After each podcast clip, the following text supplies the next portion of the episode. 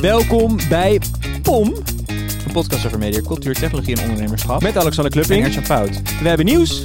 Er is groot nieuws. Gaan we dat nu al verklappen? Misschien hebben mensen het al gezien bij Jinek, dus het is niet echt... Jij zat weer bij Jinek. Ja. Dat zat je er lekker bij. Dank je, het is... Dit is een soort... Als dit, opgenomen wordt, Marcel ben ik en daar nog niet geweest. Alsof je het ja, net al- doen alsof je het Ja. ochtends opneemt. Ja. Hoe dan ook. We zijn naar Podimo. We zijn naar Podimo. Dit is nog niet Podimo, want je luistert niet op Podimo.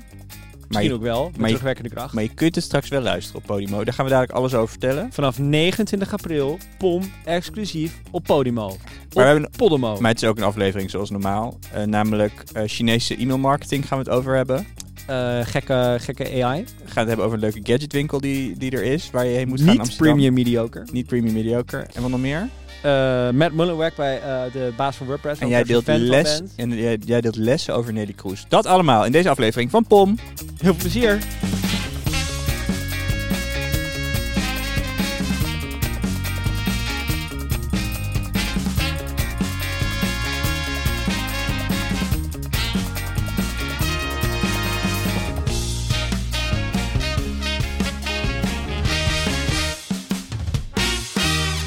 Zijn we klaar voor? Ja.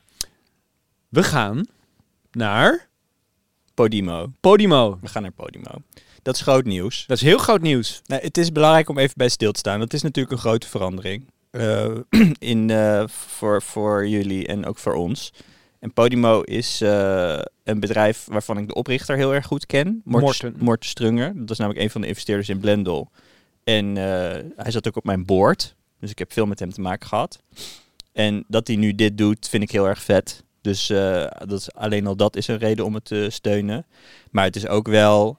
eh, ik ben oprecht ervan overtuigd dat eh, podcasten een betaalmodel wordt. Net zoals journalistiek een betaalmodel, betaalmodel heeft. En muziek een betaalmodel heeft. En video een betaalmodel heeft. Het is gewoon eigenlijk heel gek voor iets wat ik persoonlijk zoveel consumeer. Ik luister iedere ochtend tegenwoordig naar Mars van Roosmaan en Gijs Groenteman. Het is iets wat zo'n onderdeel is van mijn leven. Eh, dat daar geen. Dat dat helemaal gebaseerd is op een advertentiemodel vind ik gewoon niet gezond. Oprecht. En het zou wel heel raar zijn als wij eh, die onze hele carrière bezig zijn met betaalmodellen maken. in plaats van eh, gratis dingen consumeren of zeg maar produceren dat wij dan het moment dat zo'n model zich aandient in Nederland, dat we dan zeggen nee, we gaan toch, we Nee, blijven toch het is het Niet hangen. echt een verrassing dit, waarschijnlijk. Het is niet echt een verrassing, maar alsnog is het een grote verandering. En ik moet zeggen, het grootste ding wat het voor mij zou, wat voor, het grootste nadeel wat ik als luisteraar zou ondervinden, denk ik hiervan, is het idee dat je een andere podcastplayer moet gaan gebruiken. Dat is echt super heftig. ja, je kan, er, je kan hier simpel over doen, maar, Nee, is wel, is verschrikkelijk. nee, maar een podcastplayer voelt toch een beetje als je thuis. Ik Dan ben je gebruik gewend. verschillende podcastplayers. Jij gebruikt Ik verschillende binnenkort gebruik ik alleen maar Podimo. Podimo is geweldig. maar vandaag nog, tot, tot laat, een uurtje of drie, gebruik ik drie podcastplayers. Dus ik gebruik gewoon de podcast van Apple Player. Gebruik ik Oh, wat barbaars. voor mijn... ehm, voor, om, die heeft de beste zoekmachine. Dus daar zoek ik specifieke, specifieke afleveringen of interviews met mensen op. En dan in Pocketcast heb ik mijn hele eh, playlist van alle dingen die ik wil. Dat is een soort van mijn Listen Later podcast app. Oké. En Spotify gebruik ik eh, voor eigenlijk de dingen die ik dagelijks of wekelijks even wil luisteren. Zoals bijvoorbeeld Marcel. En, ehm, Oké, maar eigenlijk wil je zeggen, het maakt mij geen reet uit als er nog een app bij komt. ja, ik heb daarom ook moeite empathie op te brengen voor mensen Nou, die het heel erg vinden dat er een nieuwe podcast Voor, die, voor komt. dat Maar jij deel, begrijpt die mensen die beter. niche, laat ik die niche dan even onder mijn, onder mijn vleugels nemen. Ik begrijp het wel dat dat irritant is. En eh, dat, is, ja, dat, is gewoon, dat is gewoon echt een nadeel hiervan, want het is gewoon een walled garden. Ik moet wel zeggen, we hebben dus gisteren zijn we naar een opnamestudio geweest om filmpjes op te nemen rondom Dat deze was podcast. fantastisch. Jij trok op een gegeven moment je jasje uit omdat je het te warm kreeg. Ik vroeg of ik aan het blozen was. Ja, nee, het was Het inderdaad... is een mate van professionalisering die ons eh, Ja, vreemd is. geen griem alleen. Vond ik tegenvallen. Komt dat we van onszelf zo'n fantastische glow hebben. Ik zag ze nog net al die fysici Ah, ja. opbergen. Maar hoe dan ook. Daar hebben we dus ook trailers opgenomen. En in die Podimo-app zit dus ook allemaal... Er zit een soort stories-format in voor podcasts... om podcasts te ontdekken. Ja, het, het liet ze ons en dat is natuurlijk wel de grap van een walled garden. Daar hebben we het eerder ook over gehad in... dat Spotify een kans heeft om allemaal features te maken voor Spotify... of voor podcasts...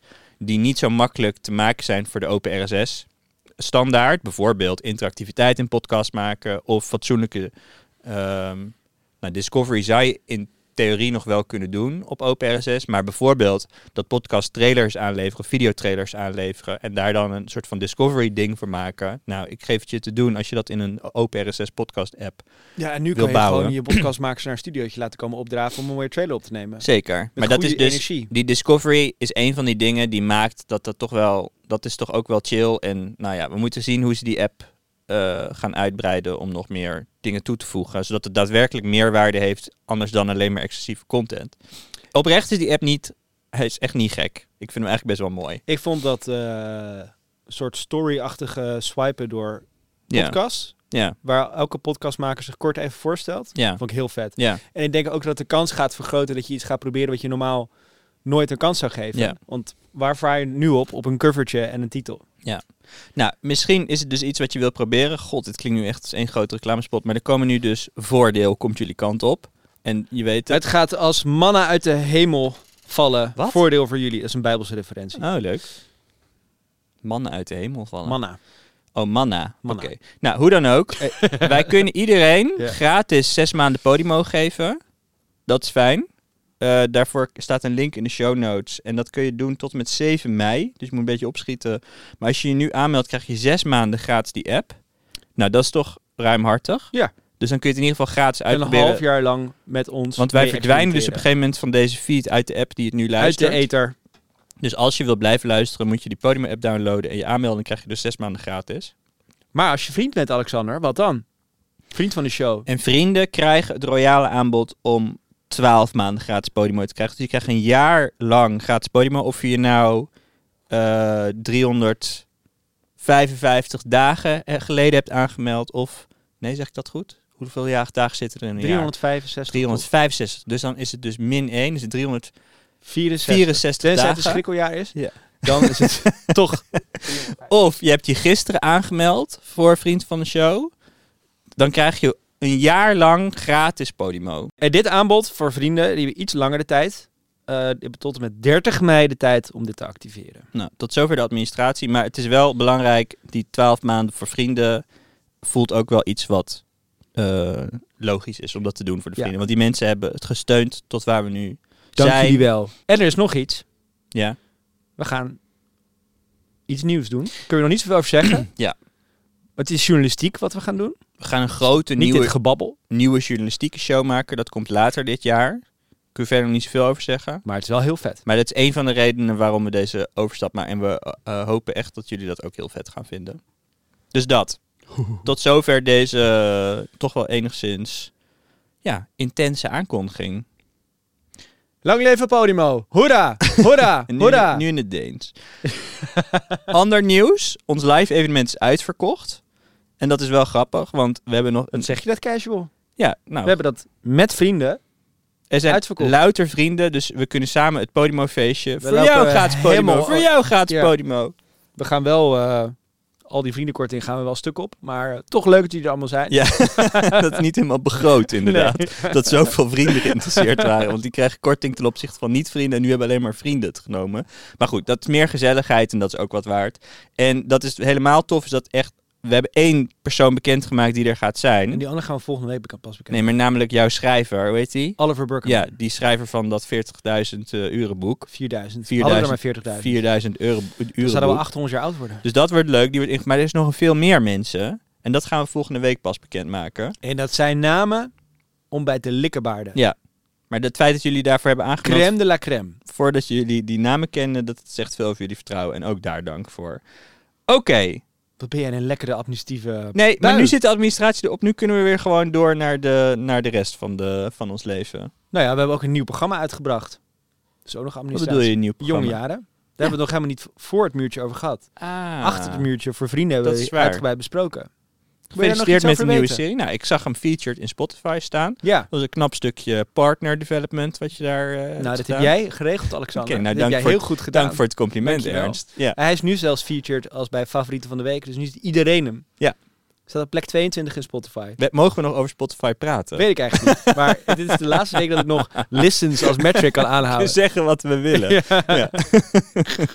Voor de helderheid, editorial vrijheid blijft. Ja. Ik wilde met zo'n grapje, voordat daar paniek ontstaat. Staat in de contract. Denen zijn heel vrij met dingen.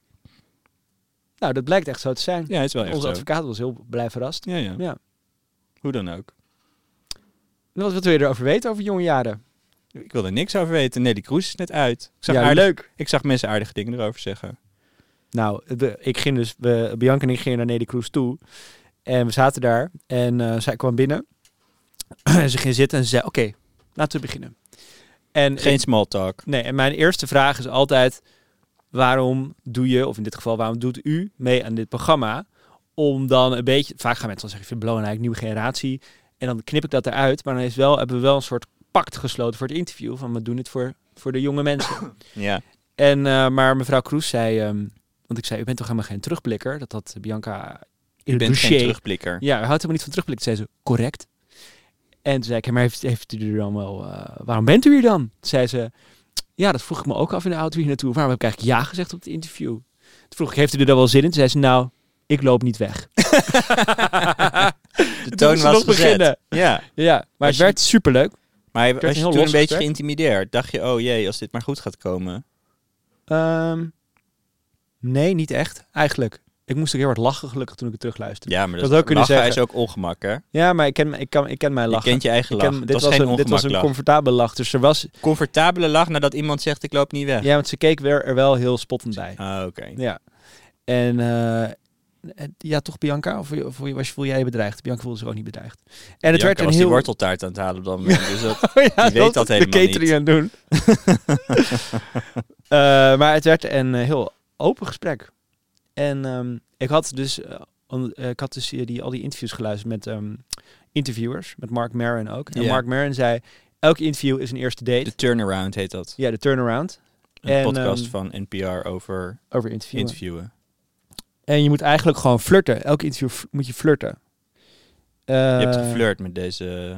Ik probeer nu met al mijn gasten te flirten. Hm. Dus ook met Ilja Leonard Vijver, maar ook met, met haar. En eh, dat, dat, ging, dat werd heel leuk. Nou, mooi. Kun je luisteren via allerhande podcasting apps. Het zijn er heel veel. Helemaal niet. Alleen via Podimo. Kun je alleen via Podimo luisteren. Is dat echt zo? Ja, het gaat toch mee? Ja, dit is in, ja, inderdaad. Nou, nog een reden om eh, zes maanden gratis Podimo te nemen. Oké, we gaan naar de chatcast zoals er een lijstje is Ja, er gemaakt. was een heel mooi bruggetje. Want dan zei jij vragen, wat heb je eigenlijk geleerd van Nelly? Dat was het bruggetje. En dan naar de eerste chatcast eh, onderwerp. Ik zit daar al drie keer naar te vissen, maar het komt maar niet. Wat heb je eigenlijk geleerd van Nelly? Wat ik geleerd heb van Nelly, nou leuk dat je het vraagt. Ehm, ik was wel echt geschokt over. Zij is, zij is in 1941 geboren. Eh, dus ze kwam de arbeidsmarkt op, laten we zeggen, eind jaren 50 zoiets. En eh, ze was heel ambitieus, maar ze moest eigenlijk voordat ze me begon met werken, had ze al twee dromen moeten opgeven. Eén, ze wilde Albert Schweitzer, dat is, die heeft de Nobelprijs voor de Vrede gewonnen. Dat was een, Nobel, zeg jij. Mooi. dat was, eh, is dat Deens? Nee, Zweeds, hè, Nobel. Mhm. Ja, nee, ik zit helemaal in mijn Deens nu. Dus in Deens zeg je Nobel. En, eh, maar die heeft in 1952 de Nobelprijs gewonnen Hm. voor de vrede. Omdat hij, hij was een arts die toen in Afrika... Waar gaat dit heen? continent werd gezien, Ja, ging die, ging die mensen helpen. En zij wilde hem, zij wilde hem helpen, maar daar moest ze medicijnen voor studeren. Het zei de vader, dat gaan we niet doen, dat kunnen we niet betalen. Je gaat, blijf maar lekker in Rotterdam. Nou, droom 1, de deur uit. oké. Toen droom 2, het bedrijf van haar vader opvolgen. Die had een zwaar transportbedrijf. Zij kan dus ook gewoon vrachtwagens besturen. Vond ik vet. Dat heeft ze als, als eh, tiener geleerd. En eh, ook die eh, droom is in de ijskast. Want er was echt geen sprake van dat een vrouw zo'n bedrijf zou leiden. Want Hm. de zaken werden in de kroeg gedaan en daar kwamen geen vrouwen toen nog. Hm. En ehm, dus toen moest ze nog beginnen. Toen heeft ze zich wel in de studie helemaal opgewerkt. Prezes van haar studieverenigingen en zo. Of studieverenigingen voor vrouwen. En toen kwam ze de arbeidsmarkt op bij de eerste baan bij de KVK. En toen zeiden de mensen daar... joh, je hoort in de keuken, je hoort je helemaal niet. Oh. Toen moest ze nog beginnen. Maar ze heeft het dus toen gepresteerd om op de 26e bestuurslid van de KVK te worden. Hm. In, dit, in, dit, in dat klimaat. Hm. En wat ik heel vet vond, is dat ehm ze heeft een soort ontwikkeling doorgemaakt. Dat ze eerst altijd vond, eh, vrouwen moeten niet zeuren, ze moeten gewoon doorbeuken, zoals ik dat heb gedaan. Maar daar is ze anders over gaan denken. En nu eh, is eigenlijk die hele, eh, het hele gesprek ging over wat vrouwen kunnen doen, hoe ze onafhankelijk kunnen worden, maar ook wat de verantwoordelijkheid van mannen in deze is. Ehm, dus dat vond ik heel vet. Maar waarom jij wilde vragen naar mijn lessen, is omdat ik met jou een veel toegankelijkere manier van lessen delen wilde delen. Ik heb Oh, namelijk iets heel leuks gezien. Ja. Ja. Ken je de nieuwsbrief The Generalist? Nee. Echt niet? Nee? Oh, dat vind jij fantastisch. Wat is dat? Dat is een nieuwsbrief en die doet deep dives in het type bedrijven wat mensen zoals jij en ik heel interessant vinden. Zoals Stripe. Oké. Volgens mij is de titel van ehm, de, hun Stripe deep dive Thinking Like a Civilization. Dat die twee boys, die twee broers. Stripe als een soort nieuwe beschaving proberen op te zetten. Ik kan het geen rechten aan doen. Het is een artikel van 10.000 woorden, maar het legt Jeetje. helemaal uit hoe ze dat aanpakken. Maar een En- soort, soort eh Becky McCormick-achtige stukjes. Ja, alleen al veel omvattender. Want Becky richt zich natuurlijk heel erg op eh, Web 3. het, ja, en het model. Het economische model. Ja. En is vaak vooruitblikkend van dit zou iets kunnen worden. Terwijl eh, bij de generalist zijn, k- analyseren ze ook gewoon bedrijven van 20 jaar oud of zo. En veel ook meer het culturele aspect, het maatschappelijke aspect. Echt heel vet. Oké. Maar, Eh, ja. en ze hebben nu een nieuw format gelanceerd, de Wisdom List. En waarom ik dat vet vind, is eigenlijk doen zij een beetje wat, wat, eh, wat ik met jonge jaren doe, of wat Guy Raz met How I Built This doet, een NPR-podcast waarin ondernemers vertellen over hoe ze een bedrijf hebben opgebouwd. Alleen eh, ontdaan van alle opsmukker omheen. Dus ik gooi een interview van een uur online. Daar moet je dan helemaal naar luisteren. En zij maken eigenlijk naar aanleiding van elk interview een wisdom list met de belangrijkste punten die die persoon geleerd heeft. Dus zonder enige journalistieke pretentie, maar gewoon dit zijn de vijf belangrijkste punten. En die, leggen ze, die lichten ze dan heel sec toe. Toen dacht ik, hoe vet als je bijvoorbeeld How I Built This is een van mijn favoriete podcasts, waar zo ongeveer elke grote Amerikaanse ondernemer geweest is. Hoe vet als je van die allemaal zo'n wisdom list zou krijgen, in plaats van dat je er telkens een uur naar moet luisteren. Naar een handboek van zou kunnen maken of zo. Ja, maar dit is een beetje alsof je zegt... eh, je hoeft geen boeken meer te lezen, want er bestaat ook Blinkist. De samenvatting van boeken. De scholieren.com van, samenvatting van het boek kun je ook lezen. Dan hoef je geen boeken meer te lezen. Nee, dat, dat, ik vind Blinkist vind ik echt een heel dom idee, omdat je het boek niet internaliseert. Het is heel Nee, nuttig om precies. tijd met een boek door te brengen. ja, maar dat is toch het punt? Nee, wat hier vet aan is, is dat het een. Het maakt de kennis indexeerbaar. En je kunt bijvoorbeeld ook, als je zo'n, als ze hiermee door blijven gaan, dan bouwen ze dus eigenlijk eh, een soort schatkamer van lessen op, waar je dan binnen op, bijvoorbeeld binnen op thema kunt gaan filteren of zo. Dus ik, eh, ik wil dan nu specifiek iets weten over, laten we zeggen, podcastlicenties. Ja. En dan kan je, dan zou je, als dat wisdom list doorgaat, dan kan je dan op een gegeven moment kijken van wat hebben deze mensen, deze belangrijke, eh, succesvolle mensen, ooit gezegd over licentiedeals? Wat is daar belangrijk binnen? Maar dan is dan het idee dat je dan weer dat je dat dan weer terug gaat lezen in de context van het originele interview. het zou kunnen, als je er meer Want- over wil weten. Want internaliseren gebeurt ook niet bij Blinkist en dat gaat dan ook niet gebeuren bij dit soort lessen, toch? Dus het is dan meer een soort van... Het wordt een soort na, het wordt, het wordt, het wordt meer een naslagwerk. Ja. Dus zit ik bij jonge jaren ook over na te denken. Daar maken we transcripties van alles. Hoe kan je het nou meer maken dan in dat uurtje luisteren? Hoe kan je ervoor Ja, dat snap zorgen dat het een soort samo- dat het eh, tijdloos blijft en dat de som der delen die, dat, dat die groter wordt dan alleen de losse delen. Nou, en er is natuurlijk altijd, er is altijd een groter publiek denkbaar voor een interview. Dat geldt voor ieder artikel en ieder interview. Of ieder stuk media. Dat er in principe grotere doelgroep voor is dan de mensen die die, die, die beperkte vorm waarin het nou eenmaal origineel is uitgegeven tot zich nemen. Dus weet ik veel. De, dit, de podcast met Nelly. Misschien zijn er heel veel mensen die zeggen, nou ik vind op zich dat die podcast wel interessant, maar ik ga niet een uur audio luisteren. En ik ga ook niet een heel gespreksverslag lezen. Maar ik ben wel geïnteresseerd in wat zij te zeggen heeft. Hoe, hoe keter je daarnaar? Ja. Dat is de hele reden waarom er zoiets bestaat als van die, ehm, eh, hoe heet het nou? Aggregation journalism is natuurlijk dat. Het is het naschrijven, journalistiek aggregeren, dus wat nu.nl vroeger deed. Het is het naschrijven van andere bronnen op een toegankelijkere manier. Ja, ik weet, ik de- heb het toch meer over organiseren dan over aggregeren. Aggregeren is nog steeds heel erg ge- gebaseerd op actualiteits, soort actualiteitsbias. Nee, Dus dit moet er de hele... Nou, de be- bekendste aggregator, eh, eh, aggregatoren zoals de Huffington Post vroeger en nu.nl destijds was meer van, dit is er nu nieuw. En dat hebben Ja. we voor je samengevat. Ja. Terwijl wat mij hier aan aanspreekt is, hoe maak je het tijdloos en hoe organiseer je kennis? En ik denk gewoon de laatste tijd heel veel na, ook naar aanleiding van het interview dat we met de nu.nl hoofdredacteur hadden, over wat gebeurt er als journalisten al het ego, alle art, al het artistieke, al het creatieve uit het werk halen en zich totaal dienstbaar opstellen aan hun publiek. Mhm. En, Ervan uitgaan dat het dit is wat mensen willen. dan, en dan krijg je, ja, ik denk Maar hoe dat... kom je erbij dat dit is wat mensen willen? Want ik denk dat journalisten juist denken dat zij juist het maken voor de mensen en dat het daarom op actualiteit zit. Nou, we hebben natuurlijk een behoefte om nieuwe dingen tot ons te nemen. Ja. En nieuws raadplegen is een soort, kan je allemaal heel maatschappelijk eh, ingewikkeld maken, maar het is ook een soort slotmachine waar je gewoon elke keer een muntje in gooit te kijken wat er nou DNA om uitkomt. nieuwe dingen te willen Ja. weten. Dat is zeker ook een behoefte. Maar aan de andere kant, eh, zoals met oorlogen, bij de oorlog in Syrië was dat, was dat helemaal het geval, omdat het nog veel onoverzichtelijker was. Iedereen herkent dat er op een gegeven moment een dossier loopt en dat je het overzicht kwijt bent Ja. en dat je daar niet makkelijk op, ge- op geonboard wordt. Eh, dat, dat is, zo- dat is zo'n ding. Of je, je, eh, woont in een bepaalde buurt en je wil weten wat daar speelt of gespeeld heeft. Dat kan je niet, er, dat kan je niet meer ergens opzoeken. Dat is allemaal in agrologische fiets verdwenen. Ja. Dus volgens mij ligt er voor de journalistiek, als je de taakopvatting wat breder gaat opvatten, heel veel uitdagingen in het organiseren en het dienstbare journalistiek. Maar wie zegt dat mensen dit willen? Ik denk dat mensen de behoefte, ik geloof dat mensen de behoefte hebben om dingen te willen begrijpen. Dus wat het, voor, het voorbeeld dat de hoofdredacteur van nu.nl noemde, namelijk wat is de NAVO eigenlijk? En eh, dat, je, dat, je, dat die vraag wordt gesteld. Nou, dan weet je dat behoefte goed, is. wel, naar aanleiding van de actualiteit, en als er geen oorlog zou zijn, zouden mensen niet geïnteresseerd Actualiteit zijn is die vraag. leidend, natuurlijk. Ja, Alleen- precies. Maar dus, dus altijd een actueel haakje. Want dan geloof ik het wel. Ja, is, dat mensen nou, via meer- ja. actualiteit een Actueel, archief ja. in willen duiken, dat geloof ik wel. Ja, en dat is wat, wat ik bij de correspondent heb gezien. Als je dat niet doet, is het echt heel moeilijk om ergens Juist. aandacht voor te krijgen. Juist. Dus we hadden een jaar voor een enorme aardbeving in Nepal. In 2014 hadden we een stuk over eh, zo bereidt Ne- Nepal zich op de aardbeving voor. Interesseert Ja. niemand wat. Een jaar later, in 2015, gebeurde die aardbeving. Was dat het meest gelezen artikel. Dus Ja, en actualiteit. En wat, wat Nelly Kroes beschrijft over wat mannen zouden kunnen doen eh, dat, eh, om de werk, de, om, om Emancipatie te ja bevorderen. precies.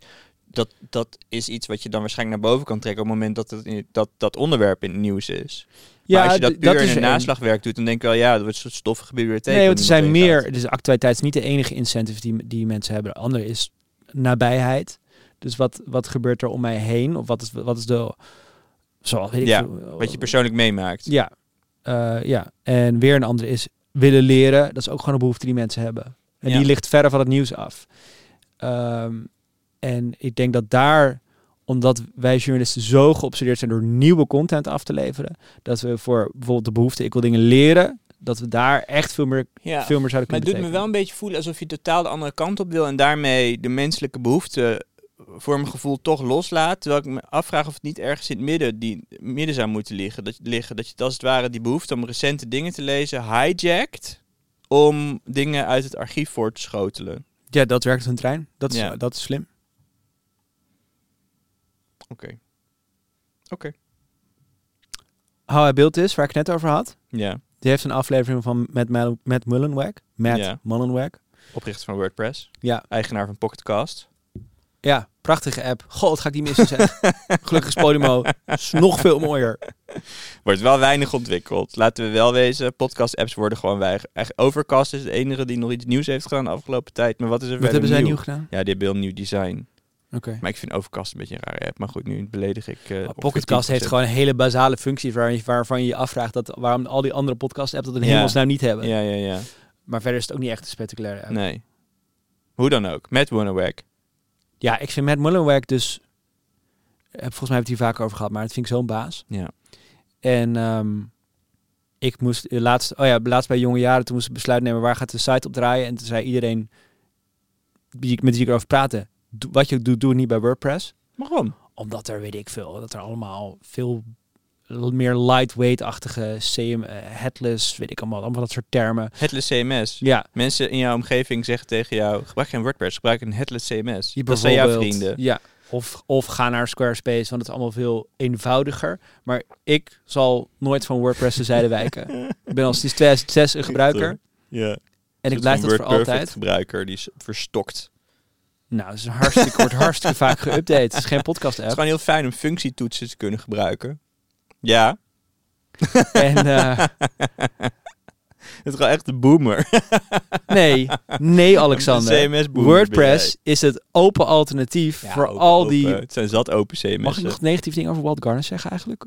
Ja. Oké. Je hebt totale editorial freedom. Voor al, voor al die gesloten systemen die worden opgezet. En dat vind ik heel vet aan WordPress. En daarom blijf ik het gebruiken. Ook omdat je eigenaar blijft van wat je maakt. Vind ik ook heel vet en belangrijk.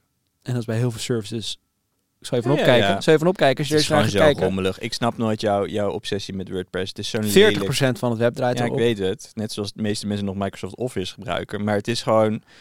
Het is gewoon een lelijk... Wanneer heb jij voor het laatst... oh, je hebt het voor de POM-site gebruikt. Maar Ja. Je hebt daar ook een of ander onmogelijk theme geïntroduceerd. Ja, maar dat is allemaal WordPress. hele rare plugins. Nee, je, moet gewoon, je kan het heel clean draaien.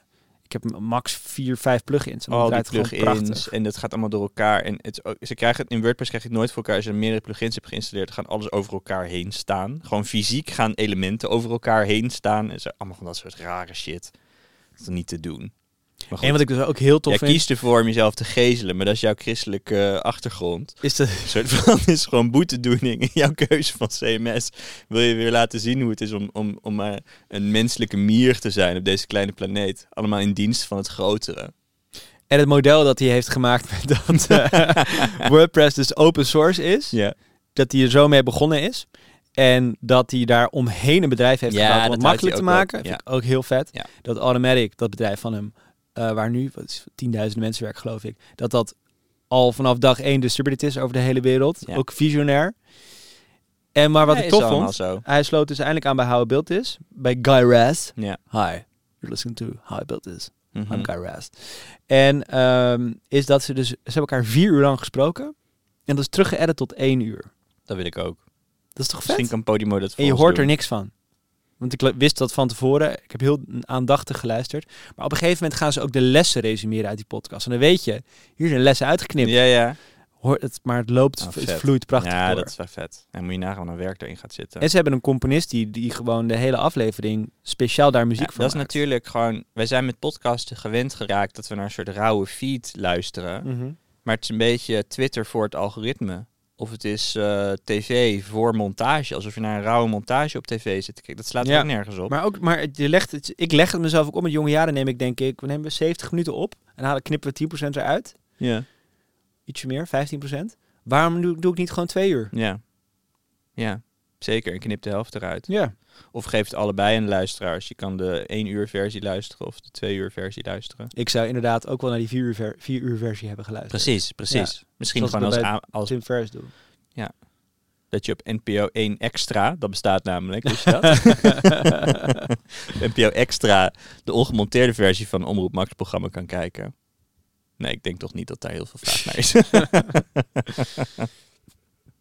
Jij was heel opgewonden over Le Monde, zag ik op... eh, Le Monde heeft een Engelstalig... eh, Altijd als jij over Le Monde praat, moet ik denken aan de eerste keer dat jij bij de Wilde Door zat. Of de, tweede keer of zo. Dat jij zo... In die krant, iPad. Zo'n krant, die krant liet je zien. Omdat Matthijs Ja. nu natuurlijk Frankrijk Ja. interessant vindt. En dat jij zo ging... je kan bijvoorbeeld Le. Monde lezen. Ja, en dan Ja. net zo... Oh, inzoomen, uitzoomen, inzoomen op een pdf.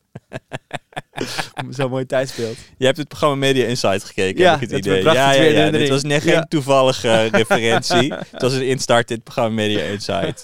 waar ik overigens zat naast Snolle Bolleke. Dat is heel leuk. Ja, superleuk. Ik was de tweede keuze na Johnny de Mol, want die had een klein geweldsincident met wurging gehad. Dus die was er niet.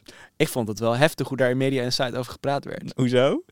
Nou, jij was gewoon jezelf met, even los van de inhoud, hoe brengen we dit? Ja. Die kant ken ken ik maar verder was het wel... ehm, En maar Rob Kemps is van Talpa. oh ja. Dus die is gewoon onderdeel van die familie. Ja, Dan zie je dat toch wel weer. En ik geloof ook wel dat, hij meent wat hij zegt. Maar ja, het, kan, het is toch moeilijk om dat los te zien van het langlopende contract. ja het was, wel, het was allemaal... speelt. Ik bedoel, je bent natuurlijk altijd onschuldig tot het tegendeel bewezen is. Maar het ging nu zo bijna de andere kant op van wat, wat vervelend dat er aangifte is gedaan. Hé, wat het balen Ja. voor Johnny. Ja. Van, door die heks. Dat grapje werd ook nog gemaakt. Dat was echt... Ongelooflijk. Ik had met je te doen toen je daar zat. Ik zag ook, was ook een ander moment dat je... Jij, jij mag Joris Luindijk heel graag. En Ja. had hij het boek dat hij geschreven heeft. Ja, Volgens mij hebben we er Ze allebei een Joris blurb, afzeiken. blurb voor afgegeven. Ja. Toen ging dus de Joris afzeiken. Jij zit de hele aflevering, zo lekker mee te hinniken. En op dat moment ging je zo een beetje naar achter, zo distancieren. ja, En dan gewoon met een glimlach. ja.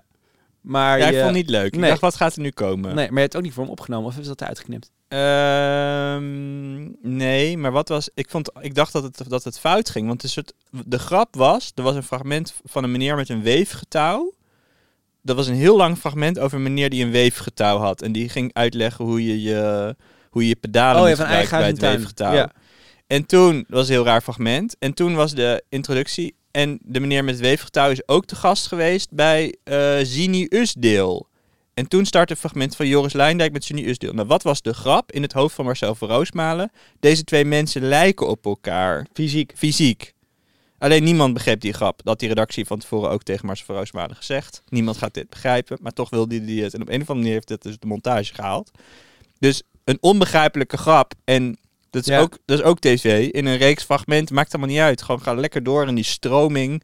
Als kijker laat je het lekker over je heen komen. Maar het is een hele rare grap. Je weet niet eens meer dat dit de reden was dat het fragment aangekondigd Nee. werd. Het is gewoon Oh, verwarring. dus je hoeft het ook niet voor me op te nemen. Het was gewoon... Nou, het was, ik dacht, dit, is, dit gaat mis. Dus daarom dacht ik ook... eh, ik hou me hier verder van. ja, dit gaat Ja, er toch dit gaat uitgeknipt niet aan mij worden. kleven. Maar toen zat het erin. Maar ik had inderdaad... Ja, maar Marcel van Roosmalen en, eh, is gewoon cynisch over Joris Luijendijk. Want die vindt dat, het, dat hij dat allemaal doet voor de BV Joris Luijendijk. Terwijl ik ben daar echt, echt heel erg mee oneens. Want ik Ja, vind dat is een makkelijke manier voor Joris om ongelooflijk goed boek heeft geschreven. Ja. Ik heb Ja. heel erg de neiging om het overal op te nemen voor, voor Luijendijk. Ik voel dus ook als ik in die zin wel een beetje gefaald heb daar. En eh, ik moest ook nog voor jou opnemen. Want ik kwam ze ook nog eens mee. Toen zag ik die papiertjes van de heer Van Roosmalen. En toen zag ik opeens jouw Ja, kop. mijn kopje dacht ik erop. god. Ja, want eh, eh, Marcel, die, ehm, nou, dat was wel een droom die uitkwam. Die heeft dus mijn column voorgedragen. Er is een nieuwe mediacolumnist bij de NRC. Ja, Het is een goede vriend van jou. maar toen ging hij eruit voordragen. Ja, Dat was, over eh, Vibe Shift. ja, Dus het is op NPO 3 gegaan over Vibe Shift. Nou, Prachtig. Toch maar, toch maar mooi voor Ja. elkaar gekregen. Zo klein begonnen en zo Hey, groot ja, want wij, ik weet, wij zaten op het terras eh, in Italië. Wat? Zaten, zaten we te overleggen over, ik Jij en ik. over mijn volgende column. Van, Ja. zal, ik, zal ik Vibe Shift gewoon ook in NRC zetten, zodat het nu af is? Ja, Dat hebben we samen over de kop gefilosofeerd. dat is toch grappig in de boomerkant over Vibe Ja. Shift praten. Maar dat is wel echt heel goed gelukt. Ja, Ik heb dit heel trots naar NRC gestuurd. ja. ja. Nou ja, het heeft nu groot... Nu nog teletext. Precies. Vibe Shift NOS Oekraïne. First Set. God. NOS First Set, eh, Vibe Shift, daar wacht ik nog op. Ja. Ik weet niet hoe we dat voor elkaar gaan krijgen. Hoe zouden we in een NOS.nl artikel het woord Vibe Shift krijgen? Nou, misschien in het persbericht over Podimo, dat wij het noemen. Ja, in, in lopende tekst gewoon. ja. Ja, Dat gaan ze nooit doen. nee, nee, Helemaal nu we het gezegd hebben, gaan ze het niet meer doen. nee. Ik hoop het nog steeds wel. Maar we, we, jij wilde het hebben Le Monde over in Le Monde. Engels. Dus Le Monde, die heeft een eh, digitale strategie. Wat goed van ze. Ja, vind ik ook Echt heel positief. ja. En die willen een miljoen abonnees hebben, Mhm. inclusief internationale abonnees. Dus dit is onderdeel van hun... eh, Een miljoen abonnees. Ja, digitale Hoeveel abonnees abonnees. hebben ze nu? Ja, dat is een goede vraag. Volgens mij enkele honderden duizenden in, eh, in Frankrijk. En ze willen in, over een paar jaar willen ze naar een miljoen.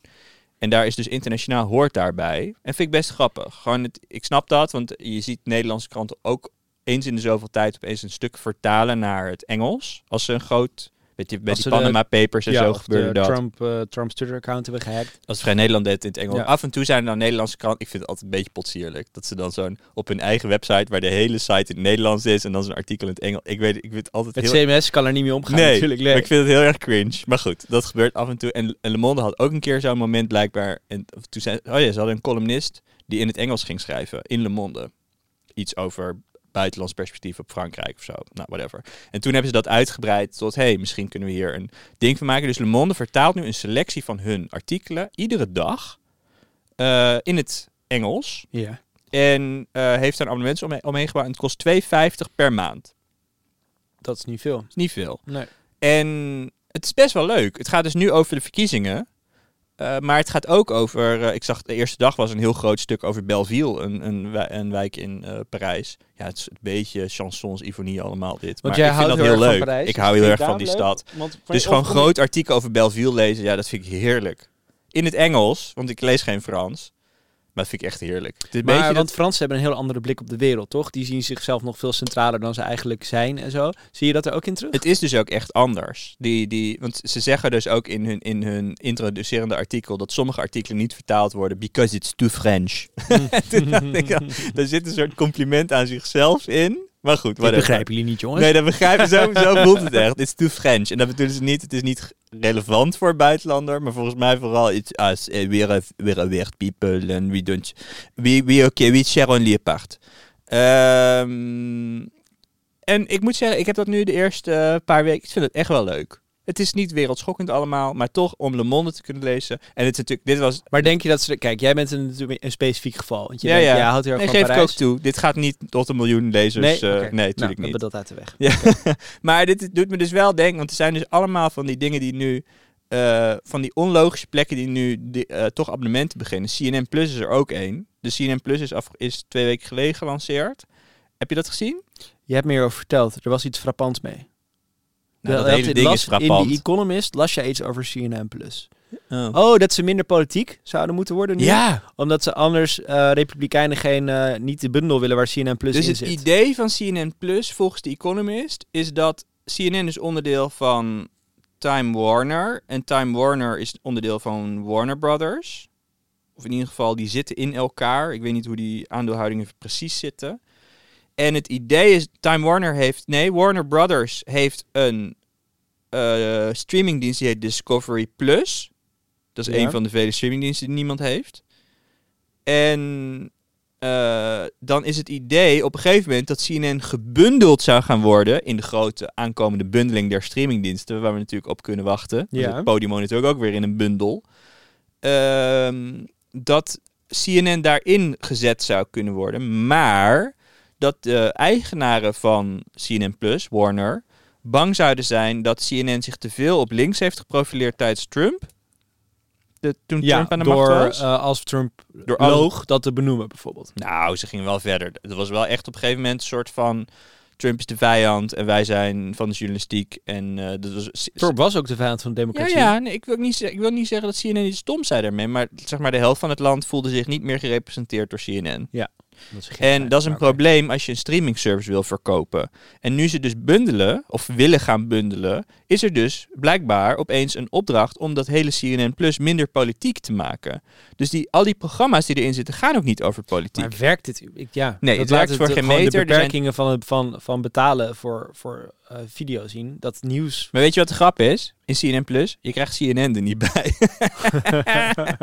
dus je kan niet, omdat... Krijg je al die leuke instartjes die ze al tussendoor doen van dan iemand die vertelt over een non-profit Nee, dat is CNN ergens. International. Oh. Maar je krijgt dus programma's van CNN die on-demand beschikbaar zijn. Dus de programma's tussendoor. Nou, dat is toch waar je CNN voor kijkt, voor de programma's De laatste tussendoor. keer dat ik CNN heb gekeken was om één uur s'nachts met jou in een appartement in Venetië. Dus ik ben, en daarvoor heb ik het tien jaar niet gekeken. En ze hebben ook allemaal content gemaakt van de gezichten van CNN, die dan spin-offs maken van hun shows. Bijvoorbeeld Brian Stelter maakt wekelijks een mediaprogramma op CNN. Oh ja, daar is Rob Wijnberg een keer in geweest. En Brian Stelter is nu iedere week. Oh ja. Eh, of nee, sorry, iedere dag heeft hij een Hij programma was al elke, week op, elke dag op zondag of elke week op I- zondag. elke week op zondag. dag. En nu is hij iedere dag op CNN+. Plus. Jeetje, Raad hoeveel mensen CNN Plus hebben genomen. En ze hebben echt Media Blitz gedaan. In Amerika. Ja, in Amerika. Hoeveel mensen hebben dit genomen? 50.000. 10.000. dus ongeveer vijf keer minder dan er Blendel-abonnees zijn. Even ter context. Ja. En ehm, ja, nou dat is toch interessant. Dat, dat, Ah, ja, dat ze kan zo- ook zeggen, 10.000 mensen hebben alsnog besloten die bundel Ja, maar ze hebben zo op de trommel geslagen. Ja. En het rare is dus dat ze, omdat ze deals hebben met kabelmaatschappij, kunnen ze niet de zender aanbieden via hun streamingplatform. Wat natuurlijk de verwachting is. Als je CNN, CNN Plus neemt, iedereen verwacht dan natuurlijk, oh, dan kan ik CNN op mijn computer kijken. Of op mijn telefoon Hmm. kijken. Dat kan dus niet. Nee, dan moet je In plaats alsnog daarvan inloggen met je kan je kabel. alleen maar rare on-demand dingen. En wat ze dan als perk hebben bedacht, omdat ze een digital native zijn. Het was zo awkward. Ik heb naar die, die je zit dan van die CNN Plus baasjes zaten bij Brian Stelter in het programma om hun dienst aan te kondigen. En een Brian Stelter gaat dan met net Tim doen. bij, eh, Tim bij ons. Ja, een beetje net als Tim Ja. bij ons. Behalve dat Brian Stelter niet de pretentie had om nog kritische vragen te stellen. Mm. En eh, dat is echt nou, heerlijk. Ik heb twintig minuten lang van mijn stoel gegleden over, over zoveel incestueuze dingen. Dat was echt het interview met Tim. Nog wel eens, Niets dit bij. was de meest vieze zin, dit is de meest vieze zin die ooit in de historie van Pom uitgesproken Hoe is. Ehm, Gadverdamme. er zit een interactief element in waarin de kijkers via chat vragen kunnen stellen die dan vervolgens behandeld worden in het programma. Het Ik krijgt hoor echt dit allemaal niet meer. NOS. Iedereen is nu ook aan het terug, aan het terug eh, Huh? scrollen om die zin nog een keer te Nee hoor. NOS, het heeft een Stoel. enorme NOS in 2012 tweede scherm vibe. Weet je dat Oh nog? ja. De tweede scherm? Nou, Ja. dat is helemaal CNN+. Plus. Helemaal tweede scherm. Mooi. Nou, hebben we dat ook weer gehad. Maar goed, dat is dus Le Monde in het Engels. Het is een, het is een aanbeveling. Eh, wat heb ik nog meer gelezen? Het is belangrijk mensen eventjes DAL-I opzoeken. Als je het nog niet hebt gezien, het is ongelooflijk. Van de makers van GPT-3. Ja. Is er nu? Je kan nu tegen de robot zeggen: Robot, eh, teken twee meisjes in een rode jurk op een trap. En dan krijg je iets van 20 soort foto's eigenlijk.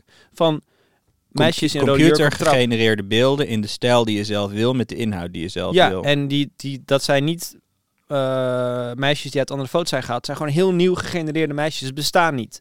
Ja. is allemaal, hoe noem je dat, synthetisch.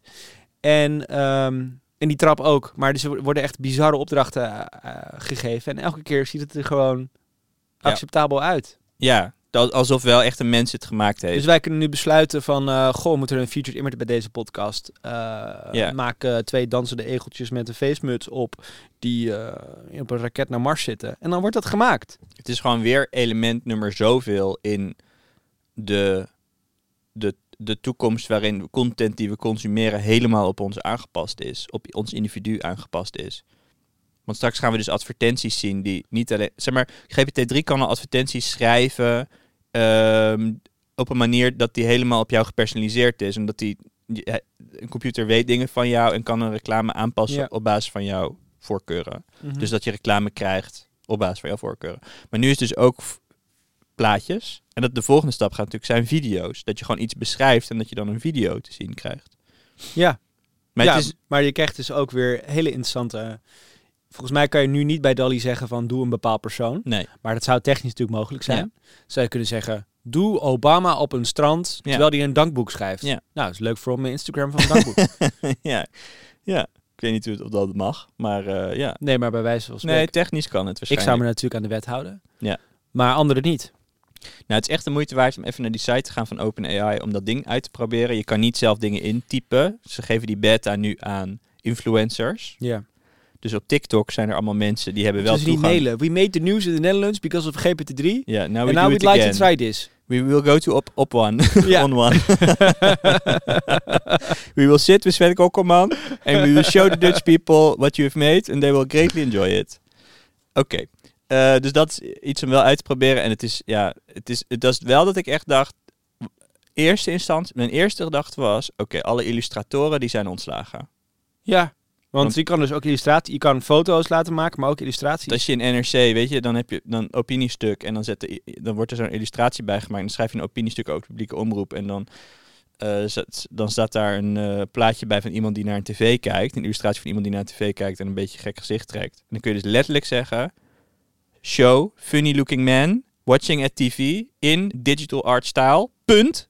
En dan wordt er 20 plaatjes gegenereerd en, En bam, die flik je bij het artikel en klaar. Ja, ongelooflijk. Wat Beeldredacties zijn, als het om illustraties gaat, they're gone. Maar je kunt dus ook fotorealistische plaatjes doen. Kijk, nieuwsfoto's gaat het natuurlijk niet genereren, maar alles wat Maar een stokfoto's beetje... zijn ook gone. Ja, stokfoto's gone.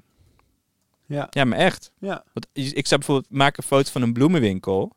Modern uitziende bloemenwinkel. Ik zit in die demonstratie. Nou, het is echt niet normaal. Prachtige bloemenwinkel. Of dat je, en je kan dus ook een plaatje erin gooien. Dus bijvoorbeeld was er iemand die had een soort van, in- er staat een plaatje op van een interieur, een foto van een in- in- interieurfoto. Gooi die erin en zeg je, toon plaatjes zoals deze. En dan maakt hij allemaal variaties met dezelfde meubels. Allemaal variaties van eh, hoe je het ook zou kunnen doen. Of hoe een spiegel, een andere spiegel met combinatie met de rest. En- Ik had echt een holy shit momentje. ja. Ja, nee, zeker. Iedereen op het internet, Ernst. hey, gisteren fietsten we over het Rokin in Amsterdam. Waarom? Oh ja, toen we terugkwamen van onze fotoshoot. Oh ja, inderdaad. Ja. En toen zei ik, kijk, Product Pine. Dat is een hele leuke gadgetwinkel. Ik wil een lans breken voor dit bedrijf. Zij hebben een... eh de Product Pine is een winkel op het Rokin, volgens mij. Damrak, Rokin. Zeker, Rokin. Damrak, Rokin. Rokin. Tegenover het prachtige krant NRC. Ja. en Agen zit daar ook. Ja. En Katawike komt ook in de straat. En. Usabilia. Usabilla zit daar ook. Ja, Optimizely. En McDonald's en een prima phonewinkel zit En de er ook. Hoe dan ook. Ja. Eh, Pro- Product Pine is een gadgetwinkel. En wat is nou echt een leuke gadgetwinkel? Kijk, ik mag graag naar de Mediamarkt gaan. Maar Mediamarkt is toch een paar leuke gadgets, maar dan vooral veel witgoed. Ga jij echt wel eens naar de media? Ja, vind ik af en toe Pak je heb ik je gewoon fietsje? zin om naar de mediamarkt te Ga je gaan. naar, het ha- ga je naar de oostelijke, oostelijke eilanden van Amsterdam? Het is net als ik soms in mijn leven een parkeren? moment heb dat ik denk, het is weer tijd voor Android. En waar loop je dan als eerste heen? Heb je een favoriete afdeling? ik loop, ik zigzag door alles. Zo'n dus ik- mooi beeld. Maar ik, ook, ik sla niks over. Ook de fornuizen zigzag ik langs. Wat Ik- is wel- wat als gebeurt er op als een robotstofzuiger ga Wat- ik het hele gebouw door. Maar even serieus, wat is de laatste innovatie op het gebied van fornuizen? Nou, ik ben niet recent. Ik heb niet recent deze emotie gehad. Dus net als Android, ik moet ook wel zeggen dat daar een soort van in mijn leven is er, is er een conjunctuur die niet ieder jaar hetzelfde is. En afgelopen jaar heb ik dus niet de behoefte gehad om Android te gebruiken. Dus misschien er is iets met mijn dus je zit gestel. ook in je gadget-conjunctuur zit je in een, een neerwaartse... Het zegt ook iets lijn. over mediamarkt. Maar zelfs terwijl je Juist. niet hoog in je gadget-conjunctuur zit, ben je Ja. wel enthousiast over Precies. Product Dus is een Vertel winkel. me meer. Ja. Dus is een winkel. Het, het ziet twee verdiepingen en het is gewoon gevuld met leuke gadgets. Dus van Noem smart locks Ja? En op een manier dat je er lekker aan kan draaien. Weet je wel? Dat je hem kan proeven. Hoe die, hoe die, hoe die, eh, hoe die draait. Eh, maar ook... eh, Even een slot proeven. Maar ook van die, van die dingen. Zo'n kastje dat je er allemaal zaadjes in kan doen. En dat er dan zo'n lamp, zo'n UV-lamp boven zit. En dat die plantjes dan gaan groeien. En Voor dat hij zichzelf dat hij zichzelf dan automatisch water geeft. Voor tomaatjes. Oké. Nou, dat is bijvoorbeeld Ja. heel leuk. Wat zag ik nou nog meer? Het waren gewoon allemaal gadgets die niet... Was het premium mediocre? Klinkt heel erg premium Wat? mediocre. Wat bedoel je hiermee? Premium mediocre? Wat is premium mediocre? Starbucks is premium mediocre. Maar wat is mediocre hieraan? Nou, het is... Het heeft de suggestie van dat het een premium ervaring is. Het is ook premium. Maar eigenlijk is het middelmatig. Ja, ik Waarom heb, is het middelmatig? het is een vraag... Begrijp je het begrip niet? Of... Ja, maar ik, wat, hier, wat aan wat ik zojuist vertel is middelmatig. Nou, het klinkt allemaal als dingen die je niet echt nodig hebt. Nou, Dan ik de neem hier een beetje crème van de aan. gadgets. Ja, nee, tuurlijk heb je gadgets niet nodig. Dat is de hele grap van gadgets. Er stond dus ook een ding, een soort van... Ja, ik stap hier overheen. Er stond dus ook een ding, een soort van plank waar je op kan gaan. Was een fitnessding. Dat is eigenlijk de reden, zeg ik je eerlijk, dat ik naar die winkel Je had een nieuw fitnessapparaatje. Dat heet een Vitruvian. En dat is een apparaat duur. Laat dat, let's get that out of the way. Duur Dat is dus niet premium mediocre. Dat is het gewoon echt Ja, luxe daarom. gadgets. Dus ik leg het, dat laat op de grond. Ik vind en het mooi dat je jou nergens mee zou kunnen raken als een kritische vraag. Een open kritische vraag over gadgets stellen, raak je helemaal van het padje van. Nee, het was Dit gewoon is een echt in de kern. ongeïnformeerde mening. En daar kan ik nee, niks mee. het was een vraag. Ik vroeg, wat is het premium mediocre? Ja, ik had het ook kunnen zeggen, nee, het is prachtig. Er was niks aan de hand geweest. Ja. Je bent gewoon heel gevoelig als het op een onderwerp aankomt. maar vertel over je fitnessplank. Dus het is een soort plank waar je opgestaan zitten twee gaten in. En dan kabels die eruit komen. En dan kun je dan bijvoorbeeld van die hendels of zo'n bar aan vastmaken. En er zitten motoren in die, die via een app gewicht steeds zwaarder maken. Dus als je dan meer gewicht omhoog kan duwen, dan gaan die motoren werken in de zin dat ze tegenkracht bieden. Hm. Dus dat ding vervangt alle barbells, alle, alle dumbbells, alle... Het is gewoon een hele sportschool in dat ding. Heb je het getest? Ja, En? het is echt heel vet. Wauw. Maar het kost dus 3000 euro. nou, tot zover mijn verhaal hierover. Ik heb ook een heel vet verhaal gelezen over op, eh, bij Andreessen Horowitz op het blog. ja, een heel vet verhaal. Want Je hebt het ook gelezen. Nou, ik heb het niet gelezen, maar ik zag aan jou dat je het heel vet vond. Want je gooide het niet alleen in onze eigen chatgroep. Je stuurde het ook nog een keer privé aan. me. ja, Dus maar dat is was per er ongeluk. echt escalatie. Nee, dat was per ongeluk. Ik, stuurde, Oké. ik, ik tikte gewoon per ongeluk jouw hoofd aan omdat ik het lekker vind om er even aan te zitten. Snap ik wel. Maar het is, het, het, zij zeggen dus, ze hebben eerder geschreven over de invloed van influencers in China in commerce. Dus die dan, dat er heel, in China is gewoon het heel groot dat je ehm, entertainment en home shopping mengt. En dan op je telefoon en dan bestelt gelijk. Entertainment en home Ja, dus influencers verkopen daar dingen. Influencers in Nederland verkopen Oh, ook wel dingen. Adi Boomsma opeens die fitnessplank bij zich heeft. Ja, In zijn En dat je met- zegt. en ja, dan ook met een knop hem gelijk kan bestellen. ja, Dat is daar heel normaal. Ja. En ik vind het best wel logisch. Dat moet in Nederland ook Terwijl hier zegt komen. als je het leuk vindt. Of Ga naar een webwinkel Ja, of zo ja. en ga dan een heel checkout proces door. Ja. Dat slaat natuurlijk nergens op. En een beetje in het verlengde daarvan zeiden ze in China gebruikt maar 20% van mensen e-mail op het werk. Dus e-mail is gewoon niet een ding daar. Een vijfde maar. Ja. En wat daar wel een ding is, is WeChat en andere chat-apps. Ja, de moeder alle apps. Nou, in Nederland, als webwinkels met je proberen te praten, dan sturen ze je nieuwsbrieven via e-mail. Toch? Mhm. Je bestelt bij een webwinkel, krijg je nieuwsbrieven over nieuwe dingen die ze hebben. In China is dat logischerwijs ook via chat. Maar wat is het gevolg van het feit dat een bedrijf met je communiceert via chat? Is dat er gelijk de, de verwachting op ligt dat je ook kan terugpraten. En dat gebeurt dus ook. Dus mensen, bedrijven sturen aanbiedingen via chat. Dat klinkt nu heel kut als dit Check zo deze zeg, nieuwe maar plank. Alexander, Dat is natuurlijk persoonlijk Ja. en la la la. En dan kun je dus terugvragen. En dat idee verlengt zich tot in de winkel. Dat als je in een winkel bent en je hebt een verkoper en je wil weet ik veel een matras kopen. Dat die verkoper dan zegt: hey, voeg me trouwens toe aan WeChat. Want dan kun je me vragen stellen over dat ding. En dan kan ik je helpen als maar je met het wie ding. praat ik dan? Praat Met die ik- verkoper. Maar hoe schaalt dat? Nou ja, ik denk dat ze daar wel een systeem voor hebben bedacht over hoe dat een beetje schaalt. Maar stel je voor, het, het idee dat je een persoonlijk contact hebt bij een winkel, zodat je die gewoon een vervolgvraag kan stellen. Dat je niet bij een of andere amorfe webcare afdeling terechtkomt, zoals het in Nederland gaat. Maar dat er gewoon een persoon is die je al een keer ontmoet hebt, die je vragen kan stellen, zodat die aftersales kan doen. Dat je vragen kan stellen als er iets misgaat met dat matras bijvoorbeeld, of je snapt niet hoe je hem in elkaar moet zetten. Maar ook dat je twijfelt, dat je nog extra vragen kan stellen aan die persoon. Het is eigenlijk, dit is wat ik verwacht van een boekenwinkel. Een boekenwinkel heeft nul functie meer in de huidige maatschappij. Voeg extra waarde toe door dit soort dingen te maken. Door een leuke verkoper te hebben waarvan je weet, nou, die snapt wat voor boeken ik ja, leuk vind. die, die persoon snapt mijn smaak. Ja, en wat ik- ze dus ja. en ze verlengen dit door er ook groepschats van te maken. Want dat is met e-mail natuurlijk heel raar. Je kan heel veel mensen in CC zetten, maar groepschats vinden we heel normaal. En zij verlengen dat dus door bijvoorbeeld als jij een reis boekt, dan heb je sowieso het contact met je travel agent. Dus KLM heeft dan een persoon, een gezicht met een naam met wie je communiceert in plaats van een vage webcare afdeling. En die persoon reageert gelijk in plaats van wat we bij KLM via WhatsApp gewend zijn, namelijk dat er in 48 uur een keer een geautomatiseerd bericht terugkrijgt. En eh, als je dan op reis gaat, dan geeft hij ook, zegt hij ook, wil je misschien onderdeel worden van de groep? En dat zijn dan mensen die gaan naar dezelfde locatie ongeveer rondom dezelfde tijd. En dan zit die travel agent zit daar wel als een soort van eh, ad- admin in die groep bij, om, zodat je vragen kan stellen aan die persoon. Maar anderen kunnen ook weer antwoord geven op de vraag. Oftewel, er ontstaat een soort community rondom een reis. Als je dat wil, het hoeft niet, maar als je dat wil, dan kan dat.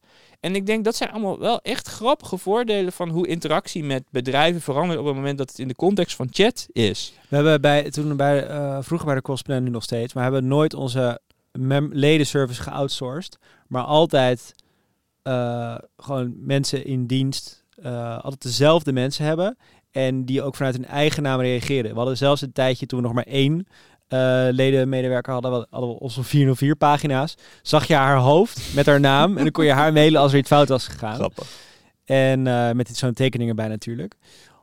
Juist om het zo persoonlijk te houden Ja. en weg te stappen van. De, Ja. En zij kennen ook gewoon leden die vaker mailen. Bijvoorbeeld Ja. omdat ze op, weet ik veel, op leeftijd zijn en vaker hulp nodig hebben. En, eh, en schaalt het? Nee. Maar ja, is die ervaring heel fijn? Nee, ja. en het schaalt dan met e-mail is het nog niet te verwachten dat je meteen wel terugkrijgt. Maar met, chat, wel. Ja. Ik moet wel meteen aan de Chinese uh, arbeidsethos denken. ja. Dat je gewoon Maar goed, 24 daar moet je wat voor verzinnen dat meerdere mensen aan één account kunnen werken, weet ik veel. Maar dat lost dat op. Maar die ervaring is En wel dat je echt dus vet. consumenten bij elkaar brengt rond een reis of ook rond... Zo eh, slim. ja. Dat je gewoon vragen kan stellen van, eh, weet ik veel, moet je, wat voor stekkers hebben ze daar Kan je eigenlijk? drinkwater drinken? Ja. Ja. en je weet gewoon van internetfora, mensen vinden het gewoon leuk om anderen te helpen ook. Op van die consumentenfora en zo. Het is echt niet dat Tros Radar antwoord geeft op alle En het vragen. creëert waarschijnlijk ook een gevoel van emotionele verbondenheid, Ja. van groepsgevoel, waar je een nog betere associatie met het merk krijgt. Ja. Het enige wat ik me afvraag of dit Nederland... In Nederlanders zijn natuurlijk niet van de langdurige, in zakelijk verkeer, van de langdurige relaties, maar waar kan ik het goedkoper krijgen? We hadden hier een soort keer een gesprek over dat Amerikanen hebben een favor-economie. Dus je hebt een levenslange, weet ik veel, levenslang dezelfde advocaat en je, je geeft elkaar favors. En misschien betaal je wat meer en kan je het elders goedkoper krijgen, maar de loyaliteit is belangrijker. Terwijl de Nederlandse cultuur is heel erg, ik shop rond voor de goedkoopste. Ja. Eh, ja, misschien geldt het niet voor alle Nederlanders, maar wel voor een deel. Ja, dus dat je dan een vaste verkoper hebt en dan Ja. misschien wat meer moet betalen, maar wel je vaste verkoper hebt. Ja. Misschien, Zoals je Ja. naar een boekenwinkel gaat in plaats van op bol.com bestelt. Ja. Maar dan moeten boekenwinkels wel echt meer waarde gaan bieden. ze hebben nu altijd van die briefjes bij de boeken, maar dan moet je in de ja, winkel zijn. maar jeetje, doe even iets. Ja. Ik word daar een beetje boos van inmiddels. Altijd maar klagen over de demise, maar ga iets doen. ja. Inderdaad. Nou, Tot doel, zover mezelf doel, populair maken in het boekenvak. Weer geen, ondernemers. weer geen uitnodiging voor het boekenbal volgend jaar. Dit was POM, een programma van Ersen Fout en Alexander Klupping. En natuurlijk Bianca Schrijver die de redactie doet. En Botti Jellema die de opnameleider is. We horen bij dag en nacht. En hier in dit draaiboek staat Powered by Podimo. Nou, En ik- Podimo in all caps. Ga ik dus echt nooit meer zeggen. Op deze manier. Onze huisstijl is Heel leuk gedaan hoor, Bianca. poging tot... Nou ja. In huisstijl is het worpen door Verve, Tune van Tamber en wie de memes maakt op Instagram is geheim. Dank aan alle vrienden van de show. Jullie zijn fantastisch. Dank voor jullie vertrouwen in ons. Eh, en jullie hebben met z'n allen voor gezorgd dat POM Live uitverkocht is. Volgende week hoor je de line-up. Jullie zullen ontroerd en verbaasd zijn, denk ik. Dank ook op de valreep voor nieuwe vrienden Marissa en Sibren. Gefeliciteerd met jullie 12 maanden gratis Podimo. dat is toch een mooie verrassing die erbij komt. Ga naar podimo.nl slash pomvriend en meld je daarvoor aan. En als je geen vriend bent... Als je geen vriend bent... Ja, dat kan. Er zijn luisteraars, ja, maar goed. Er Ja. zijn luisteraars die zitten toch er transactioneler Nou, in. voor jullie hebben we ook wat. Lieve mensen, ga naar podimo.nl slash pom en dan krijg je het eerste half jaar gratis toegang tot Podimo. Tot de podcast hemel. Wij praten Yes. door voor de vrienden met vragen over onze fuck-ups en failures. Zijn er vragen over binnengekomen? Oh, dat vinden mensen Ja, leuk. Louis vraagt bijvoorbeeld welke fout gun je iedereen om te maken. Mooi. Verder weten we niet wat er gevraagd is. Bianca heeft daar de regie. Wij moeten op alles antwoorden. We mogen niet editen, doet zij. Hartstikke spannend. Luister lekker mee. Ik denk ook in Podimo. Dat zometeen. Eh tenminste, als je een vriend bent en Ja. een andere aflevering En anders tot hebt. volgende week. En anders tot volgende week. Nog In Podimo. even- Ja, tot in Podimo. Podimo! tot in Podimo. Tot volgende week. Dat klonk best goed. Ja, dat is zuiver van allebei. Misschien moeten we zingen voor Podimo.